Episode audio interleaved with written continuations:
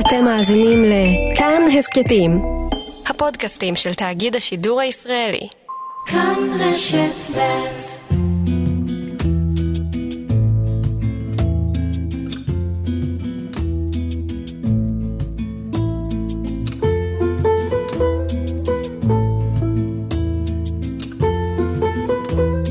שלום סם גודריץ'. שלום, בוקר טוב. אני מהמרת, מורים שלנו מתחלקים בדרך כלל לכאלה שמאוד מוכרים, וכאלה שפחות או הרבה פחות, אני מניחה שאתה שייך לסוג השלישי. כן. אז תספר על עצמך קצת. קוראים לי סם, אני בן 36, חי במושב אה, חופית בעמק חפר. אה, נולדתי בלונדון ב-83, גיל שלוש וחצי עלינו לארץ, ככה, אחרי שנתיים חזרנו לאנגליה, לא ממש הסתדרה לנו העלייה, ואז בגיל שש וחצי הגעתי ל... לארץ שוב. השתקעתם סופית. השתקענו סופית ביישובי גדרות, אה, קבוצת מושבים אה, בין גדרה ליבנה. אה, זהו, שם בעצם גדלתי, בית ספר יסודי. ילדות סטנדרטית. סטנדרטית, בחוץ, מושב. ישראלית. ממש בישראלית, יחפה, פרדסים. כיפית? ממש, כן, כן. טובה? גרעין מאוד חזק של חברים מהמושב, נהנה מאוד לבלות איתם. כן, ילדות שמחה, צופים, מדריך, עניינים, חי, פעיל, ג'ינג'י כזה, חצוף קצת לפעמים, כזה. ילדות שמחה, כן. מתי אה, ברור לך, או אולי נקלעת לסיטואציה, כמקובל להגיד בימינו, שאתה הולך למסלול צבאי קרבי? האמת שבמושב כבר ממש מגיל 13-14, כל אחד uh, כבר ידע שהוא רוצה להיות הכי קרבי שאפשר, היינו מדברים על זה, אני אהיה בשייטת, אני אהיה במטכ"ל, ואהבנו כזה לשמוע את האחים הגדולים, uh, לשמוע סיפורים. מהצבא, ו... וממש גיל 14-15 אולי אפילו התחלנו להתאמן לצבא, הכנה לצה"ל, שקי חול, דברים כאלה. אה, היה לי מאוד ברור שאני רוצה להיות הכי קרבי שאפשר, אני חושב כבר מגיל צעיר יחסית, זה היה די האתוס במושב, כאילו. אתה רצית או שזה היה האתוס? זה לא זהו, אותו לא, דבר. זה, אני חושב שזה היה משהו, ברירה, לא כולם- חשבתי על זה בכלל, כן, זה פשוט מה שעושים, כאילו כמו שנוסעים בצד ימין של הכביש עם האוטו, הולכים להכי קרבי שאפשר, זה ממש אה, לא, לא משהו ש... אה, שאני זוכר את עצמי חושב עליו בכלל, זה היה פשוט אה, ברור וטבעי וזה מה שעושים. זה המסלול. ואז לאן הגעת בצבא? צבא הגעתי לצנחנים, ואז סופחתי, זה כבר לא קיים, אה, לפלחיק, זה היה אחד מהיח"טיות, ששם בעצם אה, עשיתי את המסלול.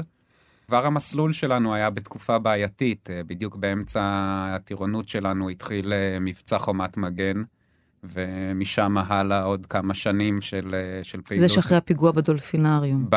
אני חושב שזה היה, אם אני זוכר נכון, מלון פארק. מלון פארק, בנתניה, נכון. שהיה כזה קודם הקש. דולפינריום ואחר כן. כך מלון פארק. מלון פארק היה כן. קש ששבר את גב הגמל, אני חושב. אה, אז זה בעצם בזמן, ה... בזמן האימון, האימון שלנו, המסלול, השנה וחצי, שנה ושמונה האלה, היינו כזה כמה שבועות ב...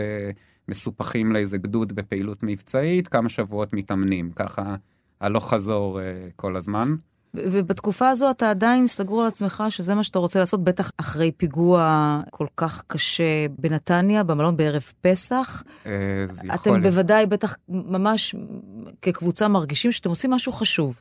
אה, כן, מרגישים שאנחנו עושים משהו חשוב. מנקים את השטח כן, מטרור. כן, כן, זה היה באמת, אה, זה היה תחושה שכל בן אדם ש, שאנחנו מצליחים לעצור, זה בן אדם שלא מתפוצץ מחר, מחרתיים. היו מצבים שהיו שולחים אותנו לסריקות בבתים והיינו מוצאים מעבדות נפץ, והיה פעם שממש היה חגורת נפץ כבר מתחת למיטה של איזושהי אישה שהלכנו לעצור, שהייתה אמורה ללכת למחרת אה, להתפוצץ, כאילו, מטורף.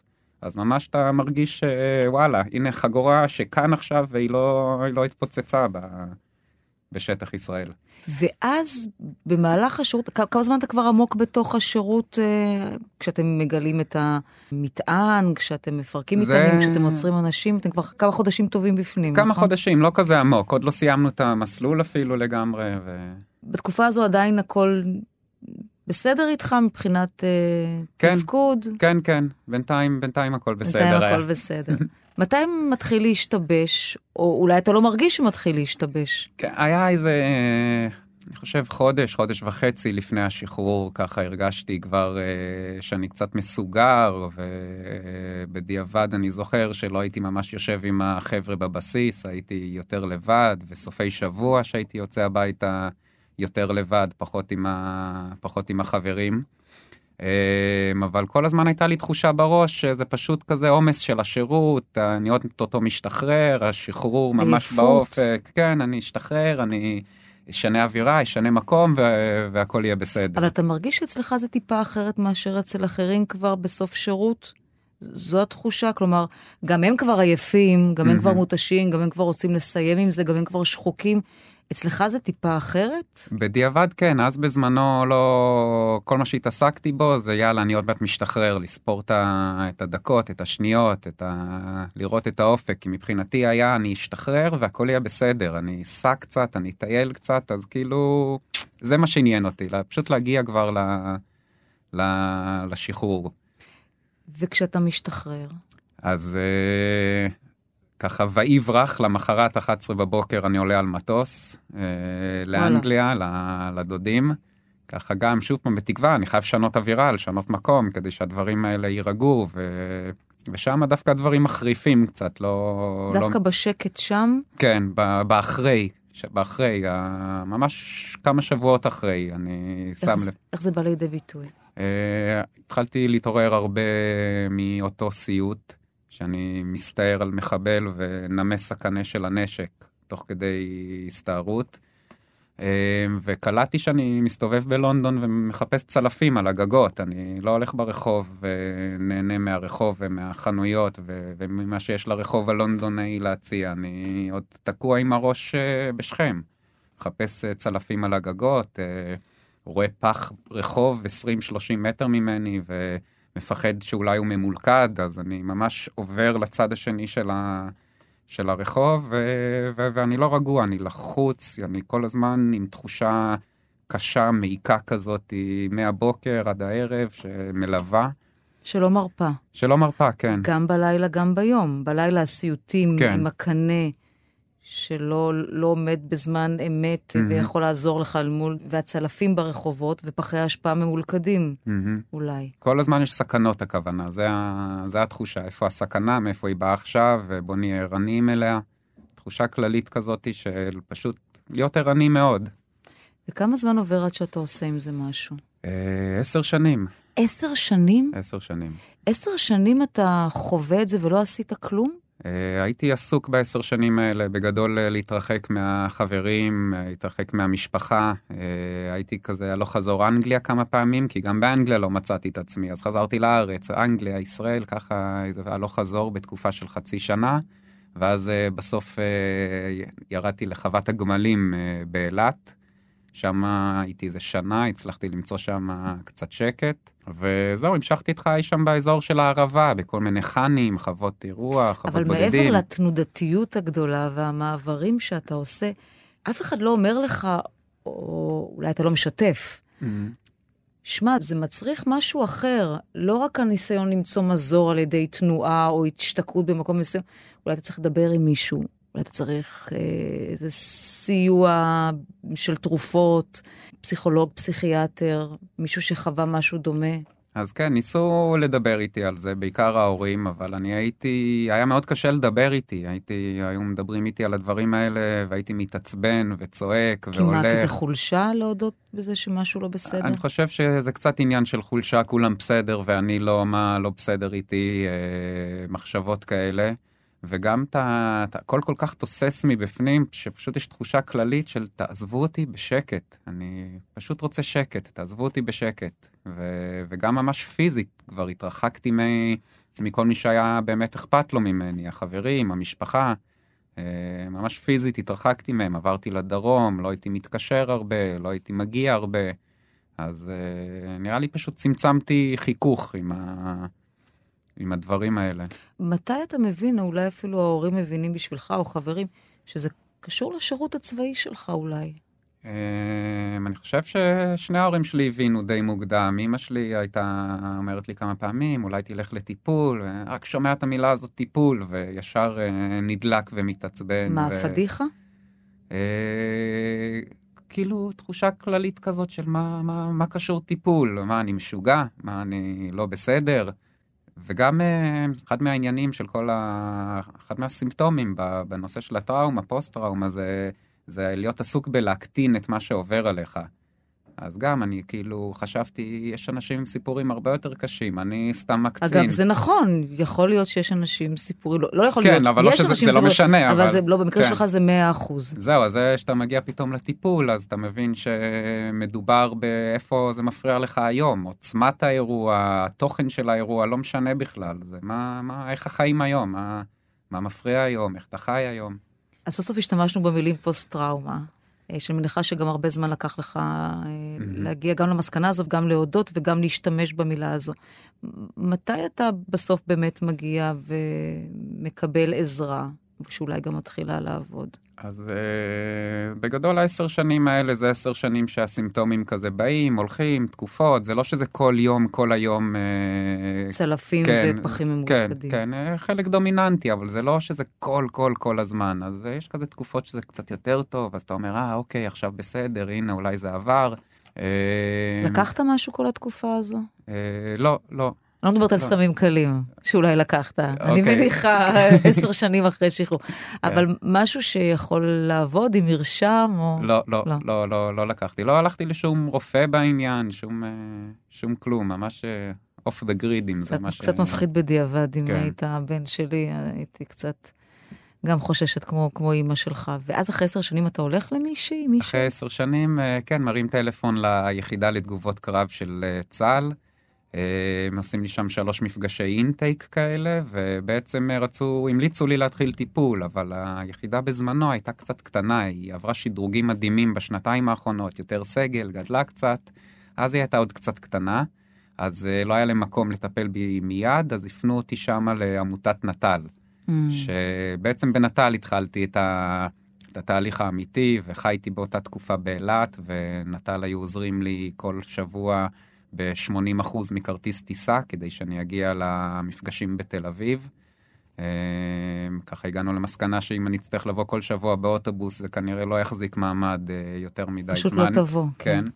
ו- וכל התהליך הזה, חוץ מהטיפול עצמו, גרם לזה שאני לאט לאט התחלתי להתחבר חזרה לחברים ולמשפחה. בהתחלה הייתי טס לתל אביב לטיפול, שעתיים אחרי זה היה לי טיסה חזרה לאילת. ואז כזה אחרי כמה חודשים פתאום אה, מתקשר לאחד מהחברים שחי בתל אביב, אהלן, אני פה, זה, יש לי טיסה רק בערב, אולי ניפגש, ואז פתאום אה, אולי נשען אצלך סוף שבוע, והמשפחה לא רחוקה מתל אביב, אז התחלתי גם להעביר סופאשים בבית, ואז לחזור במוצ"ש לאילת. אה, אז שלוש שנים הייתי מטופל בנט"ל, הגעתי ככה כל שבוע, זה ממש איבא חזרה את המשפחתיות, את, ה... את התקשורת. אני אומר למי שמצטרף אלינו עכשיו, שאנחנו משוחחים עם uh, סם גודריץ', פוסט-טראומטי? Mm-hmm. ככה? כן. זו הגדרה טובה? אפשר להגיד, כן. פוסט-טראומטי. בעקבות השירות הצבאי, אבל, mm-hmm. אבל אולי לא רק. מה שהיה שם, מן הסתם, uh, תרם לזה או עורר את זה בצורה uh, מוחשית וחריפה. אתה יודע להגיד מה בשירות הצבאי? המסלול, השגרה, אירוע מסוים אה, יותר מאחרים. אתה, אתה יודע להגיד בדיעבד, אני מניחה, אחרי כן. שיחות וטיפול, מה זה היה? אה, זה, מת, זה מתפרק לכמה דברים. אה, קודם כל, זו הייתה תקופה שפשוט אה, נשחקתי בה. היינו כל הזמן, כל הזמן, כל הזמן יורדים לשטח. אה, אם לא בשטח, אז היינו ישנים באיזה חתמר ליד השטח בכוננות עם נעליים. פשוט יש ממש מושג כזה, שחיקה, שהכוונה של זה זה שילוב של עייפות ברמה גבוהה וסטרס ברמה גבוהה לאורך זמן. אז העייפות והסטרס לאט לאט לאט לאט שוחקים אותך, זה, זה דבר אחד. דבר שני, אני אגיד בכותרות ואז אני אסביר. יש את הנושא שהיום מתחילים להבין אותו ולדבר עליו יותר, שנקרא פגיעה מצפונית. שזה גם, זה קשת מאוד רחבה, זה יכול להיות חובש שלא הצליח לטפל במישהו, זה יכול להיות מפקד שנפגע לו חייל, וזה חוויות שאפשר לאסוף מחיכוך עם האוכלוסייה האזרחית. עכשיו, שוב פעם, משני הכיוונים, מצד אחד יצא לי לפרק התנחלויות, להוציא מתנחלים מהבית שלהם, אה, פגיעה מצפונית, וגם uh, לעבור ולשהות תקופות בבתים בשטחים, זה, זה גם uh, יצר אצלי במקומות מסוימים את הפגיעה המצפונית הזאת. אמ, היה, אני אקרא לזה בר- ברמה המצפונית, אז האירוע C זה איזשהו אירוע שאנחנו נמצאים בו וזורקים עלינו בקת"בים, ובסוף אה, האירוע... איפה? בשכם, ב-. כן, בכפר חווארה, אם אני זוכר נכון, אה, שבסוף האירוע הזה איזשהו בחור בן אה, 15 מאבד את חייו. נער, ילד. כן. מאבד אה, חייו, כלומר, נפגע מירי שלכם? כן, כן. אחד שאבל אה, בדיעבד, אני לא יודעת אם בטיפול כזה גם, אבל הייתה הצדקה לירי, עמד לפגוע כן, בכם. כן, לא, חד משמעית, זה, אני לא... זה מה שהיה לא צריך חף לעשות. מפשע, כן, הוא זה כדי לנטרל, כדי למנוע פגיעה בכם, היה צריך... למנוע פגיעה בנו, ואם לא צריך בנו, אז הוא היה פוגע כנראה אותו. בחיילים אחרים, היה צריך להפסיק את מה, ש... את מה שהוא אז עושה. מה בתור- קרה באירוע הזה, אם, אם ידעת את זה, ואני מניחה כבר אז, שצריך לפגוע בו כדי לעצור אותו מלפגוע בכם? כן, מה בכל זאת? זה נכון, הגיל זה... שלו? ראית אותו? קודם כל, ראי, היה לי כזו תמיד כוונת על הנשק, שמגדילה את הכל פי שלוש, אז ראיתי אותו ברמת השיניים העקומות שהיו אינטימית. לו, ממש. אתה רואה אותו עכשיו כשאתה מדי- מדבר איתי? עכשיו כן, שאנחנו מדברים, זה לא שהוא כל היום קופץ לי, אבל, אה, אבל כן, יש תקופות כזה פתאום, שאני יומיים, שלושה, ככה, בתוך זה יותר. אה, הפנים מוחשיות עדיין. כן, כן, בטח. אם צריך לשחזר, אז אתה מסוגל. כן, כן. אז, אה, אז אם זה הפנים שלו, אה, וזה גם הסיטואציה, הסיטואציה עצמה, זה נכון שמבחינה מבצעית היה צריך לעשות את זה, אבל עדיין הוא. יש אה, אדם שממלא את הצורך המבצעי הזה, ואני עשיתי את הכל כמו שצריך, אבל השאלה, מה אחר כך? כאילו, זה... היססת בזמן מעשה? היססתי, כן. כן, זה היה גם אחד מהעניינים שלי, ש... שיושבים עליהם, שקצת כזה סוג של קפאתי באירוע הזה, שזה גם עוד משהו ש... שמעיק אחר כך. איך קפאתי? אני לא מאמין. אה, אה, אבל כן, אה, היה, היה שם רגע של היסוס, שזה גם, שוב פעם... כי לא היית בטוח או בגלל הגיל שלו? כי קל- נורא מניחה הזכיר לי את אחי, שהוא יהיה- הוא היה בגודל אה? של אחי. הוא בערך בגיל של אחי אז בזמנו, בגודל, היה לו כזה תסרוקת דומה כזאת, ו... וגם בתוך כל המאיות שנייה האלה, אז, uh, אז כזה גם מצאתי את עצמי חושב על uh, למה הוא פה בעצם. כזה בתוך כזה מאית שנייה, למה הוא פה, הנער הזה, וכנראה שיש לו משפחה קיצונית, אם הם uh, אישרו את זה שהוא יהיה פה, והם יודעים... כל זה עובר לך כל בראש, זה, אתה כן, כן, כן, זה- כן. זה די הרבה עובר בראש כש... כן, כן. אני חושב שהיה לי זמן לחשוב על זה, כי אנחנו היינו בהגדרה בסכנת חיים, אבל לא בסכנת חיים מוחשית. היינו, הכוונה שהרגשתי יחסית בטוח, היינו בתוך ג'יפ ממוגן, אה, היינו איזה 20-30 מטר ממנו, אז אה, שוב פעם, אם זה היה כזה מצב של, את יודעת, אה, קרב יריות והסתערות, אני מניח שלא היה לי זמן אה, לחשוב על הדברים האלה, אבל היו מהמם. גם שם, היו שם גם כזה דקות שקטות קצת, כזה שהוא ניסה אולי לשפר עמדה לכיווננו, ו... אז אה, היה שם כזה זמן קצת, אה, קצת לחשוב. אני עושה רגע פאוזה כדי לדבר על פוסט-טראומה, אני מהמם. מניחה שאתה כבר די מומחה, ויכול אה, לספר או, או לאפיין, או, או להזהיר, או, לה, מהמם. לומר מהם תמרורי האזהרה. בשביל שתקרה פוסט-טראומה צריך איזשהו אירוע חיצוני, נכון? זה לא רק נפשו הסוערת של אדם יותר או פחות, צריך איזשהו טריגר חיצוני שמצית משהו בנפשו של אדם. עבור אדם אחד זה יכול להיות משהו מאוד קטן, ועבור אדם אחר, אותו אירוע יכול להיות משהו עצום שמזעזע אותו לגמרי ומנער אותו, נכון? נכון, נכון, חד משמעית. אה, בגדול אה, מדברים על זה שיש כמה וכמה גורמים לזה, אבל השלוש הבולטים בשטח, שרואים אותם הכי הרבה, זה באמת מישהו שהיה באיזשהו אירוע טראומטי או רצף של אירועים כאלה. השני זה שחיקה, מה שאמרתי מקודם, שילוב של עייפות ושל סטרס לאורך זמן, וזה לוקח אותנו אגב לתצפיתניות, לסמב"ציות, שגם לפעמים משתחררות עם, אה, עם, אה, עם פוסט-טראומה. אמנם הם לא היו בשטח, אבל הסטרס של לנהל את המבצע במשך שבועיים-שלוש מהחמ"ל, או המראות הקשים שהסמב"צית ראתה. והדבר השלישי, הפגיעה המצפונית הזאת, שזה משהו שגם אני לאט לאט מגלה שיש לא מעט אנשים שסוחבים דברים, שוב פעם, פשוט אה, שלא יסתדרו להם, שלא מסתדרים להם אחר כך, ש... שהם מצאו אותם, ופגיעה מצפונית יכול להיות גם, יש אה, לא מעט קצינות אה, נפגעים שמשתחררות עם פגיעה מצפונית, פשוט כואב להם מה... ממה שהם חוו, ממה שהם ראו עם, ה, עם המשפחות, וזה גם נכנס ככה לקטגוריה, זה, זה משהו מאוד רחב. זו גם שאלה של האם אתה חווה את האירוע בעצמך, או האם אתה חווה אותו מהצד. כלומר, ניתן דוגמה מעולם אחר. האם אתה נפגע בתאונת אה, דרכים, או אתה רואה אותה מהמדרכה? יש, אני מניחה, גם הבדל. וגם שאלת האשמה, האם עבדתי נכון, לא עבדתי נכון, אגב, אותו מקרה שלך אל מול... אה, אל מול אותו אה, נער, האם מילאתי את חלקי, האם הגנתי על חבריי, האם פעלתי נכון, האם יכולתי לעשות אחרת, זה גם? כן, בטח, יש הרבה, הרבה מחשבות כאלה, במיוחד אחר כך, והנושא של האשמה הוא מאוד מאוד אה, דומיננטי. בכלל בנושא של טראומות, לא רק על רקע לחימה, אני יודע על...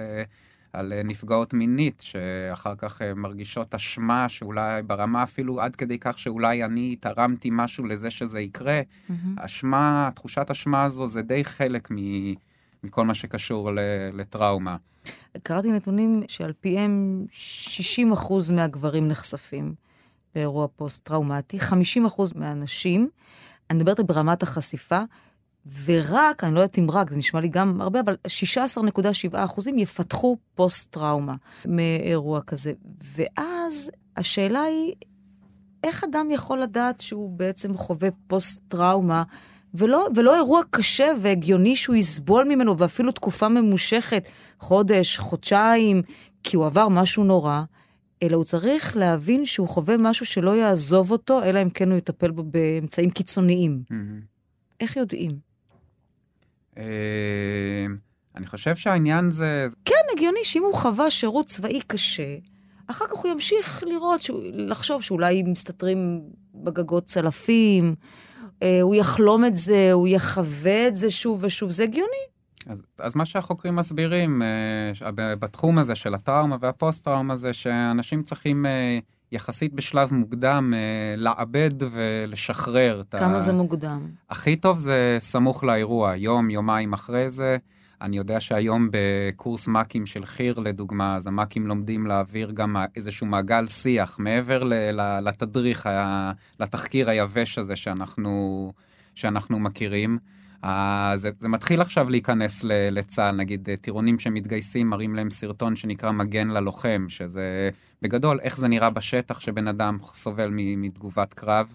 אה, מה שהם מסבירים בגדול להבנתי, יש את האירוע הטראומטי, הדבר הראשון שמתעורר זה תגובת קרב, שהיא טבעית לחלוטין, היא מתעוררת אצל רוב האנשים, יחד עם זאת, אצל רוב האנשים זה גם נרגע ועובר לבד, mm-hmm. תוך כמה דקות, כמה שעות, לילה של שינה.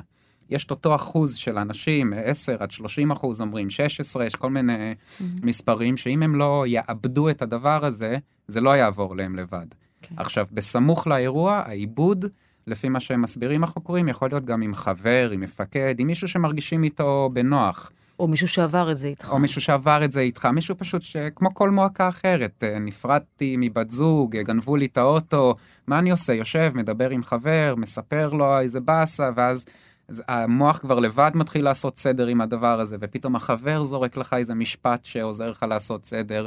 הבעיה פה זה הנטייה הזאת להתכנסות ול, ולהסתגרות. אז, אה, אז, אז הם מסבירים שאם אנשים יאבדו, ישחררו את זה סמוך לאירוע, כנראה שלא יתפתח להם פוסט-טראומה. עכשיו, mm-hmm. הסימפטומים של תגובות קרב, של תגובת קרב, זה שונה מהסימפטומים של פוסט-טראומה, שזה עוד תגובת קרב, זה יכול להיות עצבנות, זה יכול להיות קושי בריכוז, קושי קצת בשינה ו- והסתגרות. חודש שלם שבן אדם סובל מתגובת קרב וזה לא עבר לו לבד והוא לא טיפל בזה, אז הרפואה מגדירה את זה כפוסט-טראומה. עכשיו, פוסט-טראומה... ואז זה כבר אחרת, זו לחוות את האירוע מחדש. הימנעות, עוררות והיזכרות, בדיוק. או הימנעות מלהיקלע לאותה סיטואציה, אם אני לוקחת את הדוגמה שלי mm-hmm. של תאונת דרכים, אז אולי אני לא אנהג יותר, mm-hmm. או לא אסע באוטובוס, או במקום שבו חוויתי, ועוררות, כלומר, משהו בגוף חושים. כל הזמן דלוק. כן. כלומר, יש מנורה שהיא לא... היא כל הזמן דולקת, הגוף... וההיזכרות, אתה גם... חוויה מחדש. כל הזמן חושבים על זה, נזכרים בזה, ממש הרבה מהיום הדבר הזה פתאום רץ כמו תקליט כזה בראש, השש, שבע, שמונה זיכרונות המסוימים האלו, האחד הגדול, כל אחד עם, אה, עם מה שיש לו, ואז אה, מתחילה הבעיה הגדולה.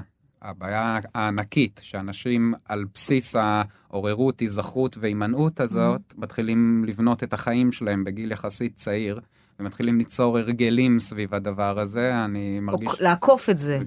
כן, אבל זה קצת, שם, כן, כאילו, אבל זה ש- הכוונה, כן. שהם, הכוונה שהם בונים, מעצבים את החיים שלהם, שהדבר הזה הוא די דומיננטי, אם זה במודע או לא במודע, אם זה חיים חיים מצומצמים יחסית, רחוקים, שקטים, או כל אחד איכשהו יצר את זה, אבל זה מבחינתי המקום שבו הדבר הזה משפיע על החברה הישראלית כחברה ב, באופן ישיר. אני חושבת אבל, מעלה בדעתי שיכול גם מקרה נוסף, שבו הגוף או האדם חווה טראומה, אבל זה יצוץ הרבה אחר כך. כלומר, לא מיד, לא במשך חודשים, פתאום באיזשהו סוויץ' בחיים אה, אחר, אני לא יודעת, העתקת מגורים, כן, שינוי כן. מקום עבודה, שינוי סטטוס משפחתי, שם זה פתאום מתפרץ. אז גם זה רואים הרבה, שבאמת אה, בא איזשהו טריגר, ו- ואז זה בא, לפעמים, אה, אני יודע שנגיד בגיל אה, 30, 33, זה קורה לאנשים לפעמים שנולדים להם ילדים, ופתאום הם קולטים שהם אבא קצת עצבני, וקשה לי להיות בבית שהילדים בוכים ודברים כאלה. יש עכשיו גל לא קטן של חבר'ה שמצלצלים ממלחמת יום כיפור. הם הגיעו כבר לגיל שהם אה, בפנסיה, יש איזשהו הירגעות כזאתי, ופתאום שם. מתחילים להתעסק עם, אוקיי, מה, מה בתוך הראש שלי עכשיו? אז גם אנחנו מקבלים טלפונים ממש לאחרונה מלא מעט חבר'ה מיום כיפור, ככה. אז זהו, מעניין שאתה אומר, אנחנו מקבלים טלפונים, כי זה, פה אני רוצה לשאול אה, אותך לגבי הנקודה שבה אתה מחליט, אני לא רק עוזר לעצמי, אני מספיק חזק וחושב שאני יכול לעזור לאחרים, שחווים אותו דבר או משהו דומה. מתי זה קורה? זה, זהו, זה לא היה בקטע של החלטה, זה היה פשוט הדברים אה, התגלגלו. אה, אחרי איזה שנתיים וחצי בטיפול, אז... אה, כלומר, אנחנו כבר 12 שנים וחצי אחרי אחרי השירות הש- אחרי הצבאי. השירות, כן, אני לוקח חודש הפסקה מהחיים ונוסע לדרום הודו לחודש להתחבר ליוגה, ככה בהמלצה של, של חבר טוב. ו... ושם הייתי בקבוצת יוגה הזאת, יש עוד מלא ישראלים, וככה בין התרגולים יושבים על החוף ו... ומקשקשים ומדברים. ואני יושב עם איזה בחור, הוא שואל אותי מה אני עושה בארץ, אני מספר לו, אני בתקופה רגועה סך הכל, אני בטיפול כרגע לפוסט-טראומה, וככה זה גרם לו להרגיש נוח, והוא אומר לי, אני אגיד לך את האמת, אה, מאז מבצע חומת מגן אני לא ישן כל כך טוב, ו- ואני קולט שאני עצבני. ואני מספר לו שאני גם הייתי ככה, ואני מספר לו על נט"ל ועל בשביל המחר, שהייתי במסע שלהם, והיחידה לתגובות קרב. וככה, אחד הדברים הראשונים שהוא אומר לי, כן, אבל אתה יודע, יש אנשים עם סיפור יותר קשה, אני לא הייתי רוצה לתפוס להם את המקום. וישר כזה צעק לי הקטנה, שגם אני הייתי מקטין את שלי כל הזמן. וסיפרתי לו, תשמע, אני חשבתי ככה עשר שנים עד שהלכתי לטיפול. העמותות האלה נמצאות בשביל שם, בשביל כל מי שסוחב משהו מהשירות. לא צריך להיות במצב של לתלוש שערות מהראש ולהשתין במיטה בשביל uh, ללכת לטפל בזה. אז ככה הבאתי לו את הפרטים של נט"ל ובשביל המחר, וככה במהלך החודש הזה מצאתי את עצמי בכמה וכמה שיחות כאלה. שוב ושוב משוחח עם על אותו, עם, עם אנשים אחרים. משוחררים שיצאו לטייל. כן. ב- ואז ככה בבן אדם החמישי, פתאום fuck, נפל לי האסימון. אמרתי, אוקיי, צריך להיות פה בהודו איזשהו מרכז אינפורמציה. אנשים גם מגיעים יחסית סמוך לשחרור, וגם קל לשבת פה ולדבר. אנשים באים לפה בשביל להבין, רגע, מי אני? לעשות רגע סוויץ', הפסקה מהכל, מי אני, מה אני, ו- ומה אני רוצה להמשיך הלאה אחרי הטיול. אז, אה, אז בעצם שם הייתה לי משהו, אני זוכר את הרגע של, ה, של ההבנה שחייבים שיהיה פה איזשהו מרכז אינפורמציה. תגיד, סם, אה, אני אספר שוב למאזינים, אנחנו משוחחים עם סם גודריץ', אה, פוסט-טראומטי, אולי כבר לא? עדיין נחשב בהגדרות האלה? זה עדיין כן, זה ב... שמגיעים לטיפול אחרי 10, 15, 12 שנים ויותר, זה, זה קצת קשה להעלים את הדברים. כבר יש הרבה הרגלים שנוצרו, וחלק מהסימפטומים כבר ממש הופכים לדפוסים. אה, אז, אה, אז הפוסט-טראומה נראית אחרת לגמרי היום, אבל... אה, כי היא מטופלת. היא מטופלת, אז היא באה לידי ביטוי ב...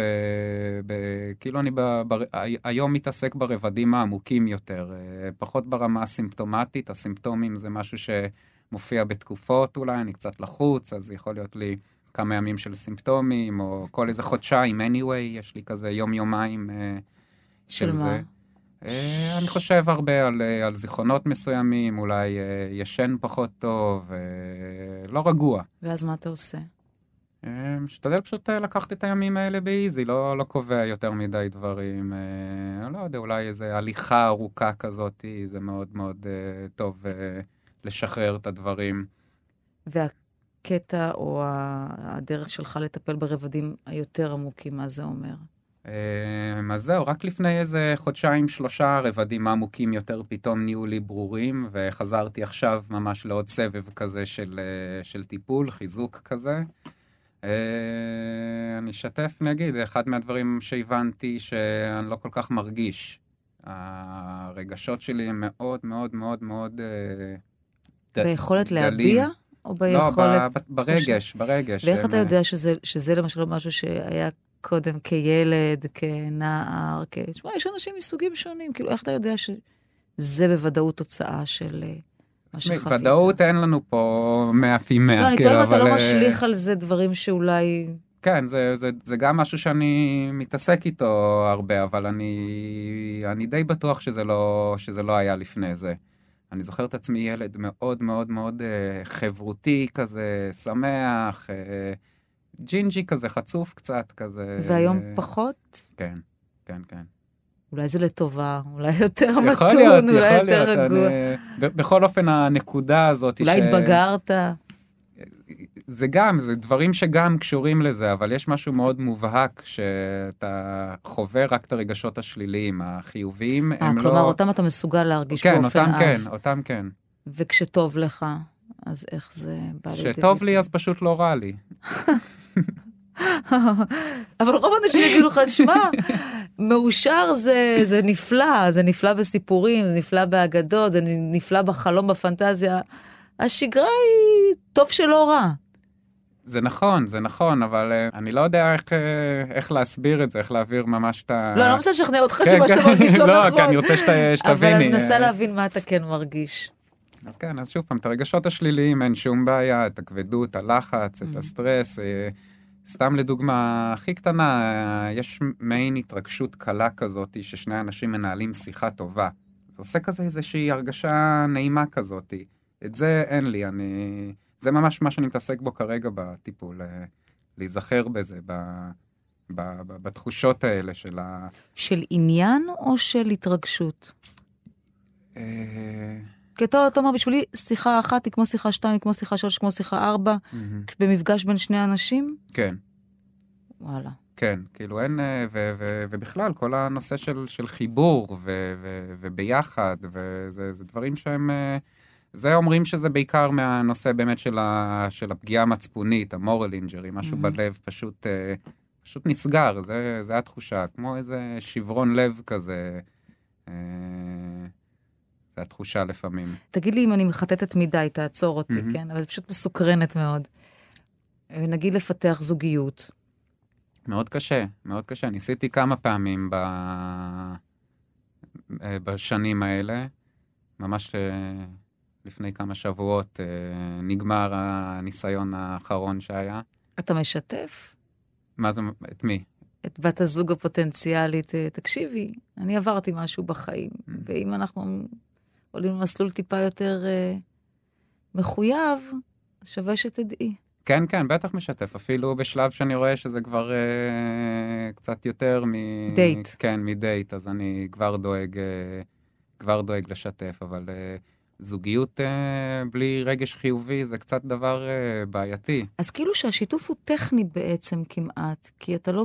זה כמו צליעה ברגל לצורך העניין, כאילו, מהמם. אנחנו הולכים ללכת היום לטרק, תדעי שאני צולע.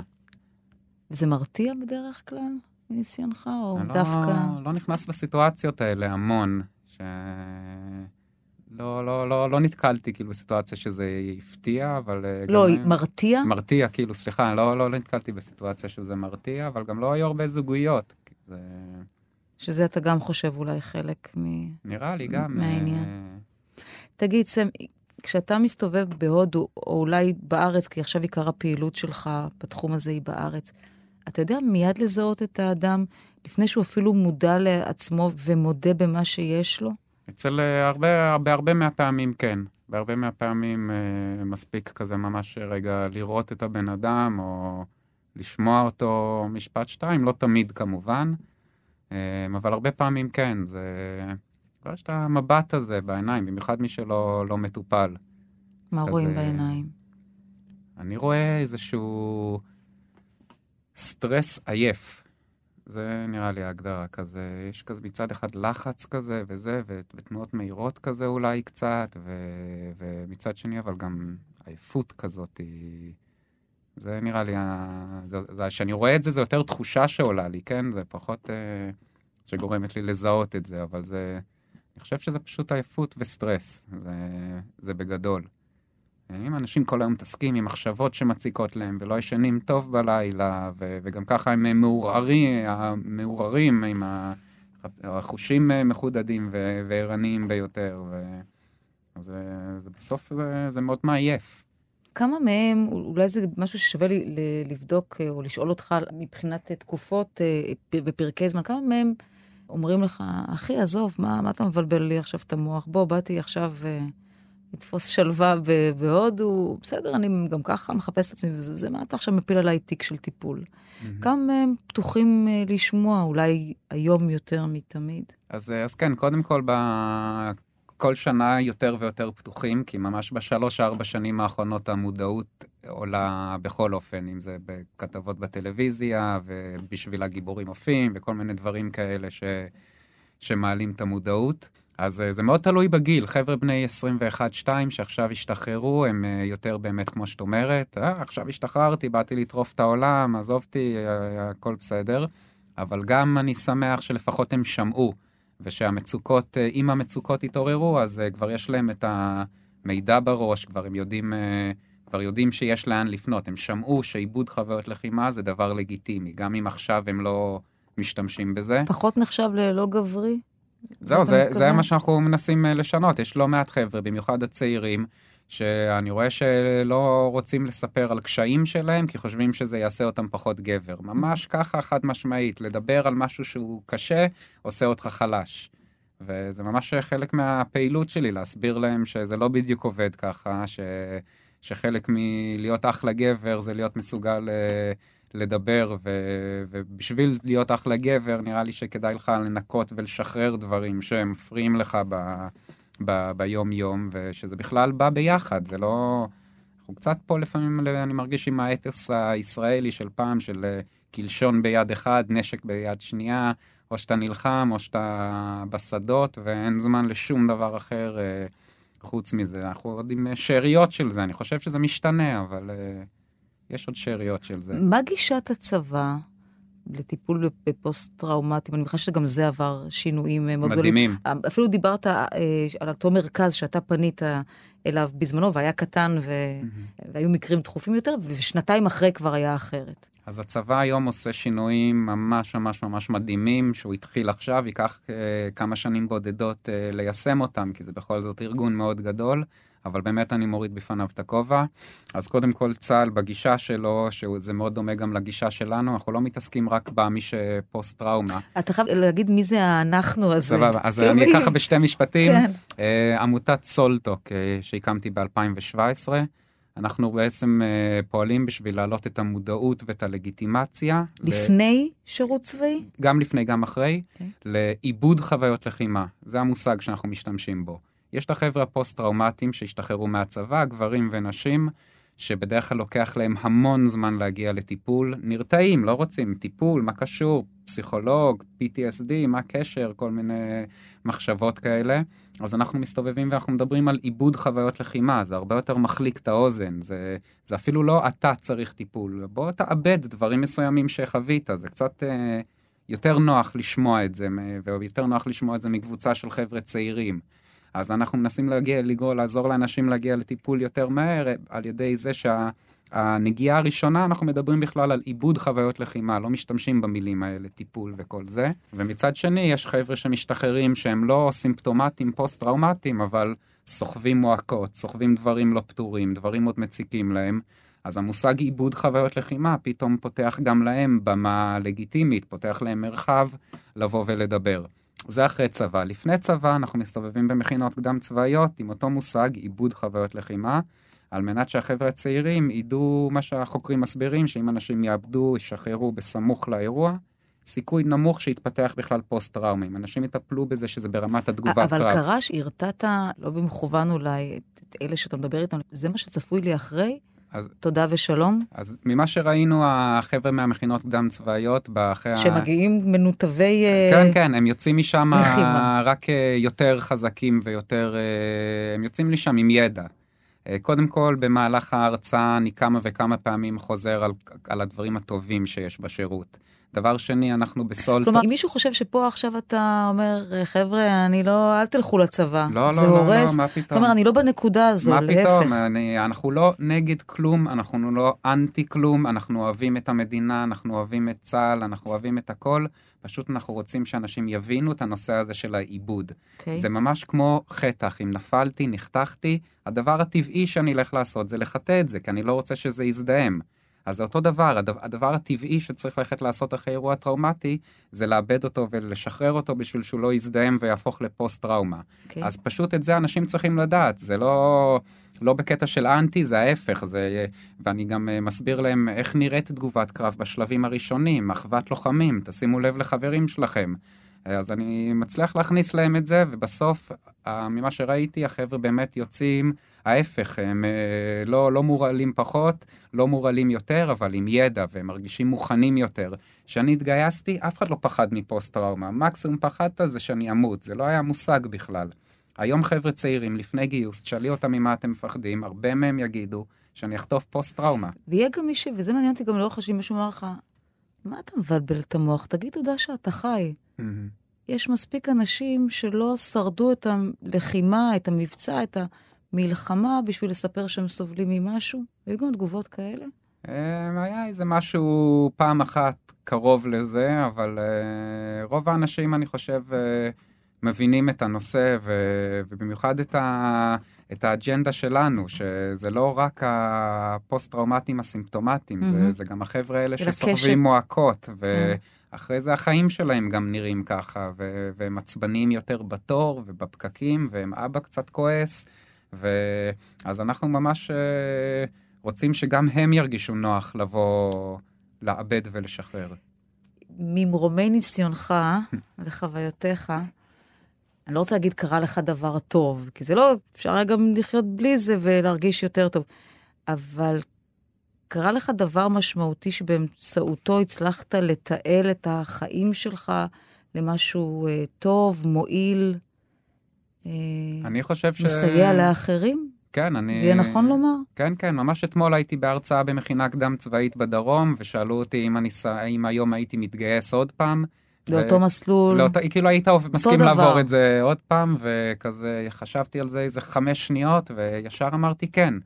כי מה שאני עושה היום לא היה קורה, כנראה, אם לא הייתי חווה את הדברים האלה. ואני, ואני סך הכל אה, מבסוט על מה שאני עושה היום. אני כל בן אדם כזה שאתה נפגש איתו, ופתאום חודשיים, שלושה אחרי זה הוא מתחיל טיפול, ושנתיים אחרי זה, שנה אחרי זה הוא במקום אחר לגמרי, זה, זה מרגש, זה משמח, זה, זה בחור צעיר שעכשיו יהיו לו חיים אחרים. זה... לוקח את זה ברצינות. יש לך חיים אחרים מאז? כלומר, בהשוואה לאז, אתה אומר, היום אני במקום אחר לגמרי? אה, יש או. שיש עוד לאן אה, להאמיר בשאיפה למקום טוב יותר? קודם כל תמיד, אה, טוב, לא, אולי לא יודע אם תמיד, אז כן, יש לאן אה, לשאוף, בגלל זה גם חזרתי קצת לטיפול כרגע, בשביל אה, לטפל ברבדים העמוקים האלה יותר שגיליתי. אה, סליחה, נקטע לי החוט עכשיו. ל- יש לאן יותר. אז, אז יש, אה, יש לאן לשאוף, כאילו שישתפר, אבל הדבר העיקרי שהפרויקט הזה נתן לי זה, זה drive, ולפני זה החיים היו נראים לי מאוד סתמיים וריקים כאלה, ו... ועכשיו יש drive, יש למה לקום בבוקר, טוב, היום אני צריך לפגוש את ההוא, לדבר עם זה, לעשות את זה, זה... כן, חיים אחרים ממש. אמרת, אני מבסוט? זו, זה, כאילו זה. שתי דרגות פחות מ... טוב לי לאללה, אה, שמח? כן, סך הכל, אה, סך הכל כן, יותר, אה, לא, היה שנים של ממש לבד ודיכאון. אז, אז כן, הדברים במקום אחר, ופעיל יותר, ועושה ספורט, וכל הסיסטם עובד אחרת פשוט, מפעם. סם, תודה רבה לך. היה כיף לפגוש אותך ומאוד מאוד מעניין. למדתי הרבה. פגשתי בחור מקסים. תודה רבה לך, ממש תודה רבה. רווח שלי. ונגיד רק אה, תודה לעורכת אליה גנה, לטכנאים אלון מקלר וראובן מן, ותודה לכם שהייתם איתנו. שבת שלום.